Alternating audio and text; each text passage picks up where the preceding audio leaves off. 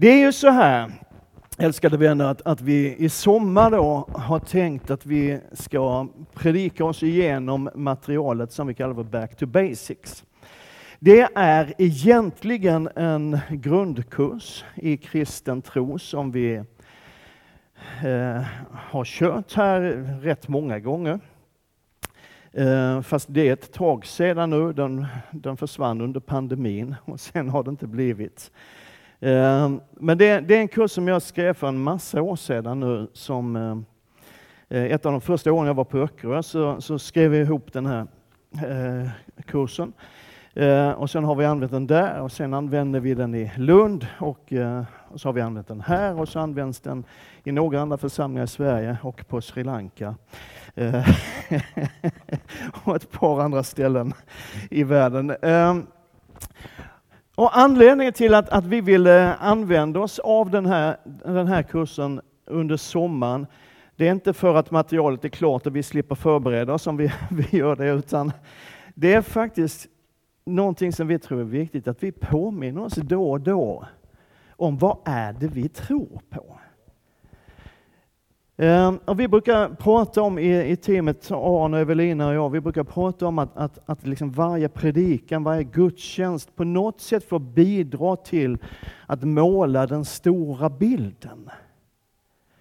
Eh, därför att, att man, man, kan ju liksom i predikningar, man kan ju snöa in på detaljer, det gör vi ibland, särskilt jag. Men, men alltså någonstans så handlar ju det vi tror på om den här stora bilden. Att Gud skapade en perfekt och underbar och makalös värld. Och så gick den världen sönder på grund av människans uppror, människans egen vilja och människans egoism. Så bröts någonting sönder, härligheten från Gud gick förlorad. Och så lever vi i en tid som egentligen är ganska kort. Eh, när Gud håller på att upprätta sin skapelse, mänskligheten som han älskar och en dag så kommer allting att vara återställt. Det kommer att vara det som han en gång skapade. Det är den bilden som vi vill förmedla och den här kursen försöker vara en del i att måla den bilden. Och ikväll så ska vi tala om skapad för ett syfte. Vi börjar där. Med Guds avsikt med att han har skapat dig och mig och varför du finns. Eh, det kan väl vara intressant att, att få veta. Och vi kommer att tala om kraften i Guds kärlek. Vi kommer att tala om vad är det att vara frälst?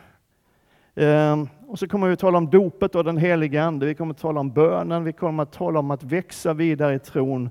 Vi kommer att tala om vad församlingen är bra för och hur man hittar sin plats i allt detta. Och så kommer vi att sluta någonstans där då, den 27 augusti, om det eviga hoppet. När det är det Gud har tänkt. Och när vi har haft den här kursen, så, så vi har gjort en del reklam och så här, så har vi ställt några frågor i, i reklammaterialet för, för den här kursen. När vi har, sådana här de så kallade existentiella frågorna. Vem är jag? Var kommer jag ifrån? Vad gör jag här?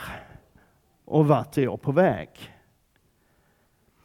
Och det är ju så här att livets stora frågor alltid har sysselsatt människans tankar och intellekt. Det finns filmer och böcker och sånger som liksom ropar ut den här frågan om livets mening och om det ens finns en mening i livet. Jag såg ett material för, för ett par år sedan eh, som faktiskt var en lärobok som användes i högstadiet. Jag vet inte om den används i alla högstadieskolor, men den användes i vissa högstadieskolor. Det var en förälder som visade mig boken som nio, åttorna och niorna använde som talar om, om alltihopa det där, som talar om, om hur världen har kommit till och alltihopa det där. Och så mitt i den här då, så, som borde vara liksom vetenskapligt hållen bok om hur man då tänker sig att, att världen har kommit till och alltihopa det där. så kommer en trosdeklaration. Lite oväntat. Där det stod så här, och jag tyckte det var så skrämmande liksom, att man matar in det här i, i unga människor. Så, så här, Eftersom då allting har kommit till av en slump så finns det alltså inget sådant som en mening med livet. En lärobok i högstadiet för inte så många år sedan i vårt land. Och det är ju lite tragiskt, kan man tänka, att det liksom ska, ska matas in på olika sätt. Och det är ju just det, det här citatet, en Frans Kafka, han påstod att meningen med livet är att det tar slut. Det kan ju jag känna att det, det låter lite dystert ändå, eller hur? Men alltså den allmänt rådande uppfattningen är ju någonstans att livet uppstod av en slump. Att en serie processer startade av sig självt för miljarder år sedan. Och så småningom så ledde det till den värld som vi lever i. Och det är som, som Lasse ibland har sagt, det krävs mer tro för att inte tro än för att tro. ibland, ibland va? Alltså på något sätt så menar man så uppstod liv i primitiva former som sedan utvecklades och anpassade sig och skaffade sig egenskaper för eh, överlevnad. Och om man söker svar då på de existentiella frågorna, vem är jag, var kommer jag ifrån, vad gör jag här och vart är jag på väg? Så blir det en rätt så problematisk hållning. Den funkar ju inte, den ger ju inga svar. Därför att, och där hade den här läroboken från högstadiet i Lund, eh, eh, hade ju rätt där. Därför att det är ju så här att en mening med livet förutsätter att det finns en tanke, att det finns ett uppsåt, att det finns en intention. Eller om man så vill, en vision. Om det inte finns en tanke bakom att livet har uppstått så kommer livet aldrig att hitta en mening. Då finns det ingen mening. Om det inte finns en intention eller vision bakom livets uppkomst så är vår existens i grunden lika meningslös som de processer som en gång då slumpade sig så att detta liv i så fall uppstod någonstans. Och Bibeln ger ju då en helt annan bild om, om livets uppkomst, ett svar på frågan om livets uppkomst. Och vi som är kristna, vi, vi kommer ju från, det har ju funnits i många tider, långa tider, kristna människor, vi kommer från olika traditioner. Och vi kan ha lite skilda synsätt på detaljerna i Bibelns skapelseberättelse och hur det gick till och när det hände och alltihopa det här. En del tror bokstavligt på sex skapelsedagar. Andra tror på en gradvis evolution eller kallar sin uppfattning för intelligent design. Och i grunden så spelar det inte så stor roll. Därför att de olika uppfattningarna har en stor gemensam nämnare. Och det är tron på att det fanns en idé och det fanns ett uppsåt bakom den här skapelsen. Det var någon eller något som låg bakom vår existens som ville någonting. Och det är vad Bibeln talar om. Gud sa, låt oss göra människor till vår avbild. Lika oss. De ska råda över havets fiskar och himlens fåglar och över boskapsdjuren, hela jorden och alla kräldjur som rör sig på jorden. Och Gud skapade människan till sin avbild, till Guds avbild skapade han henne till man och kvinna skapade han dem. Och Gud välsignade dem och sa till dem, var fruktsamma, föröka er, uppfyll jorden och lägg den under er. Och råd över havets fiskar, himlens fåglar och alla djur som rör sig på jorden. Enligt Bibeln så fanns det en vision som grund för människans existens. Att människan skulle vara Guds avbild och fick som uppdrag att ta hand om och vårda den här skapelsen. Men Bibeln går längre än så. Det fanns liksom inte bara ett allmänt uppdrag för mänskligheten i stort, utan varje enskild människa är skapad med en unik uppsättning gåvor och talanger för att på bästa sätt kunna bidra till att världen blir det som Gud avsåg. Och den tanken tycker jag är så våldsamt häftig. Och ni som känner mig vet att jag rätt så ofta citerar den här versen från psalm 139. Jag älskar den. Där Bibeln säger att dina ögon, Guds ögon såg mig när jag bara var ett foster. Och alla mina dagar blev skrivna i din bok, formade innan någon av dem hade kommit. Alltså bara, bara tänk den tanken en liten stund. Det svindlar nästan. Liksom, att Gud har tänkt för varje människa som föds in i den här världen, har Gud tänkt någonting. Han har tänkt så mycket så att han, åtminstone billigt talat, har skrivit ner det i en bok. Kanske inte detaljerna. Jag, jag, tror mer på det man kallar för en scenario setting. Liksom att det finns ett, det finns ett område, det finns en, en sfär på något sätt som är din. Där Gud placerar dig. Och jag älskar att säga det där och jag har sagt det i så många olika sammanhang. Jag har sagt det i sådana här sammanhang. Jag har sagt, sagt det till, till till killarna och tjejerna på rehab när, vi hade, när jag jobbade i en församling som drev rehabiliteringscenter för, för drogmissbrukare och kriminella. Så har jag sagt det här och jag har sagt det när jag predikade på, på, på ett detention center i Siem Reap i, i Kambodja tillsammans med Daniel och Paulina som var här för ett tag sedan. Där, där människor liksom sitter som i ett fängelse fast det är unga människor. Så har jag sagt det här och jag älskar att säga det att ingen människa kommer till världen av en slump. Ingen människa har kommit till den här världen av en slump. Det spelar ingen roll om du var planerad och efterlängtad av dina föräldrar eller om det bara råkade bli så, liksom resultatet av ett one night stand. Vad som än är din bakgrund så fanns det en i alla fall som väntade på dig. Som hade planerat att du skulle komma in i den här världen, som hade tänkt saker med att du föddes in i den här världen. Gud själv. Och när Gud skapade dig så var han fri att forma dig exakt så som han ville. Så det är därför du är som du är. Du kan skylla på Gud. Min mamma brukar säga, en får vara som man är när man inte är som man ska. Men Gud skapade dig exakt som han ville. Sen har du lagt på ett och annat själv. Eh, som kanske inte var så bra. Och så kanske du har plockat undan en del som borde ha varit där men som du inte riktigt törs som Gud har gett dig men som du inte vågar blomma ut i. Och det är ju inte heller så bra, men Gud skapade dig som han tänkte att du skulle vara. Med vissa undantag, nej. Alltså grejen är ju, han kunde ju lägga ner i dig om han nu är allsmäktig Gud, så kunde han ju lägga ner i dig exakt de egenskaper och gåvor och passioner som behövdes för att hans tanke med ditt liv skulle kunna uppfyllas. Och det var det han gjorde. Och det där ska vi titta lite mer på längre fram under den här sommaren. Med gåvor och passioner och, och det som Gud har gjort i våra liv.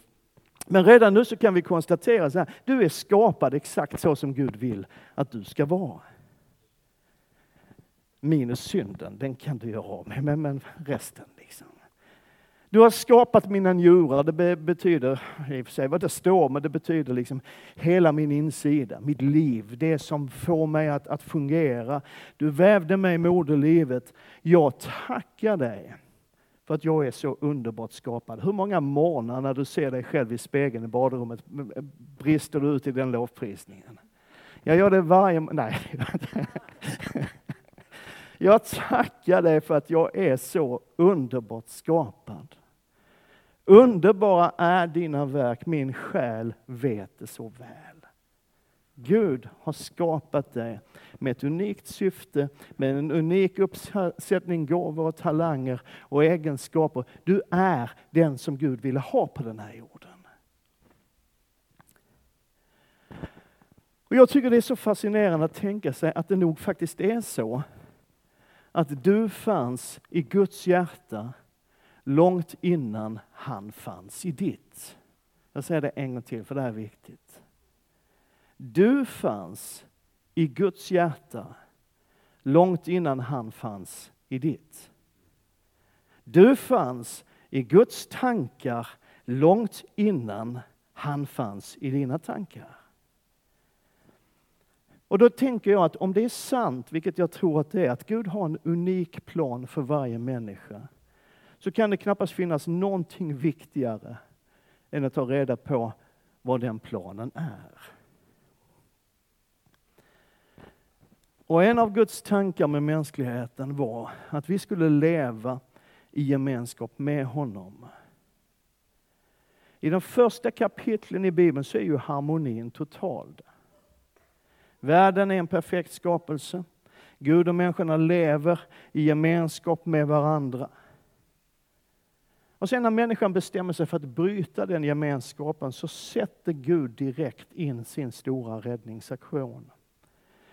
Och rakt igenom hela Bibeln så går sedan den här inbjudan till en upprättad gemenskap. Det är det det handlar om. Det är den stora bilden. Inbjudan till upprättad gemenskap, till frälsning eller räddning. Det är som en röd tråd genom hela Bibeln. Om du läser Gamla Testamentet kan du se det står liksom ibland, ja men den kungen gjorde vad ont var i Herrens ögon och det gick illa för folket. Och så kommer det en ny kung som upprättar gemenskapen hela tiden, rakt igenom hela Gamla Testamentet och rakt igenom hela Nya Testamentet så går det där ropet ifrån himlen. Vänd om, kom tillbaka, kom hem. Och i Bibelns allra sista bok, Johannes uppenbarelse, så tecknas bilden av hur allt ska bli när hela skapelsen är återställd till Guds ursprungliga tanke. Då är gemenskapen mellan Gud och människor helt upprättad och återigen råder den här totala harmonin. Jag såg en ny himmel och en ny jord, skriver Johannes. Den första himlen och den första jorden var borta, havet fanns inte mer. Jag såg den heliga staden efter den yttersta staden, i det nya Jerusalem. Jag såg den nya staden, den heliga staden, den nya Jerusalem, komma ner från himlen, från Gud, redo som en brud som är smyckad för sin man. Jag hörde en stark röst från tronen. Se, nu står Guds boning bland människorna. Han ska bo hos dem och de ska vara hans folk och Gud själv ska vara hos dem. Och han ska torka alla tårar från deras ögon. Döden ska inte finnas mer och ingen sorg och ingen gråt och ingen plåga. För det som förr var är borta. Wow. Och han som satt på tronen sa, se, jag gör allting nytt.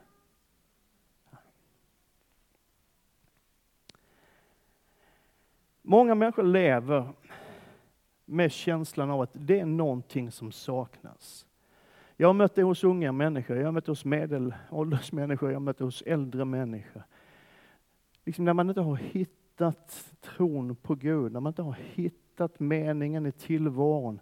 Det är precis som att det är någonting som saknas. Jag berättade, tror jag, någon gång, jag satt, satt på den tiden jag drev en reklambyrå, jag satt tillsammans med en av mina viktigaste kunder, VD för ett stort företag.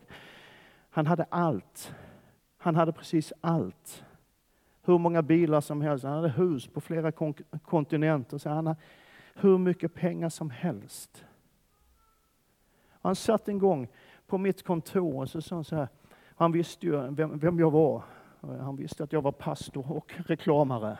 En intressant kombination. Men, men han visste ju det. Så sen sa han så Kristus, är det här allt?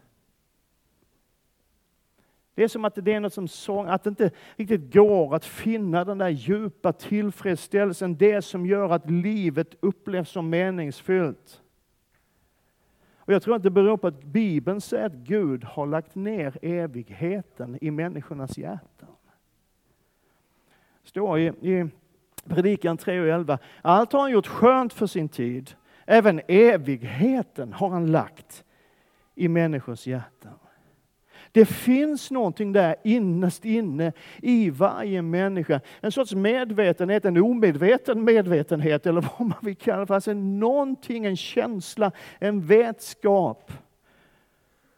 Och att det här är inte allt.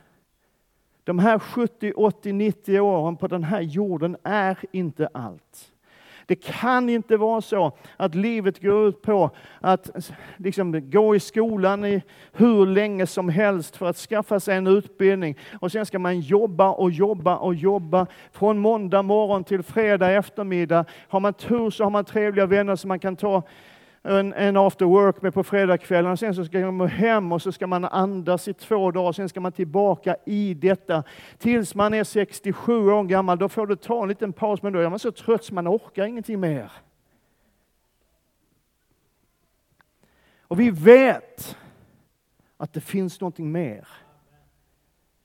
Din granne vet att det finns någonting mer, men det är inte säkert att din granne vet vad det där mer är för någonting. Den svenska poeten och författaren Per Lagerkvist skriver i en av sina kortare diktsamlingar Vem är du som fyller mitt hjärta med din frånvaro?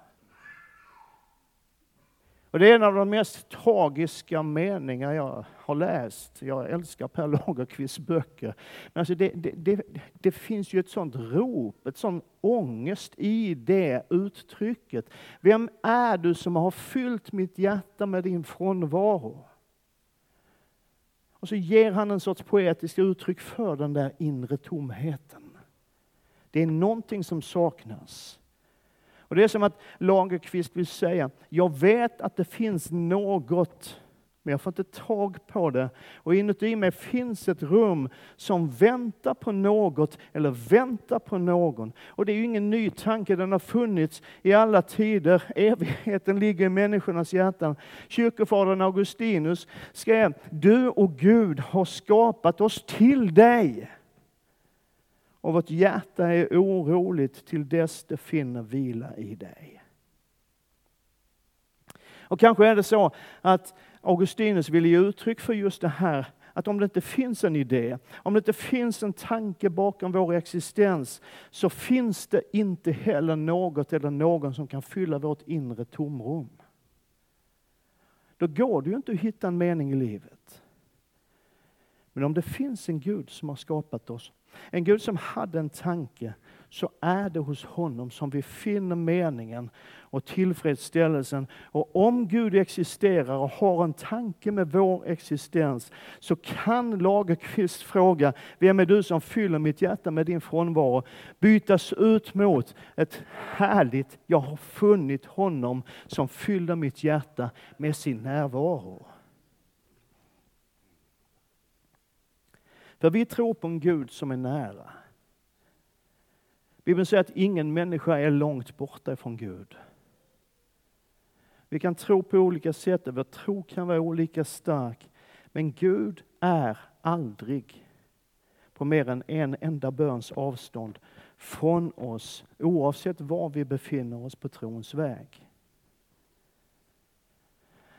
När Paulus vid ett tillfälle talade på Areopagen i Aten så talade han om hur Gud har skapat alla människor. Så säger han så här, det gjorde han för att de ska söka Gud och kanske kunna treva sig fram och finna honom. Fastän han inte är långt borta från någon enda av oss. För i honom är det som vi lever och rör oss och är till. Som även några av era egna skalder har sagt, vi är av hans släkt. Det är en Gud som vi tror på, är en Gud som är nära. Han är aldrig två böner bort, det är alltid bara en enda bön bort. Det är avståndet. Och det är viktigt, tror jag, att förstå att det kristna livet inte börjar med frälsningen. Det är ju någonting vi har fått för oss, vi karismatiker. Det kristna livet börjar inte med frälsningen. Det började redan i skapelsen.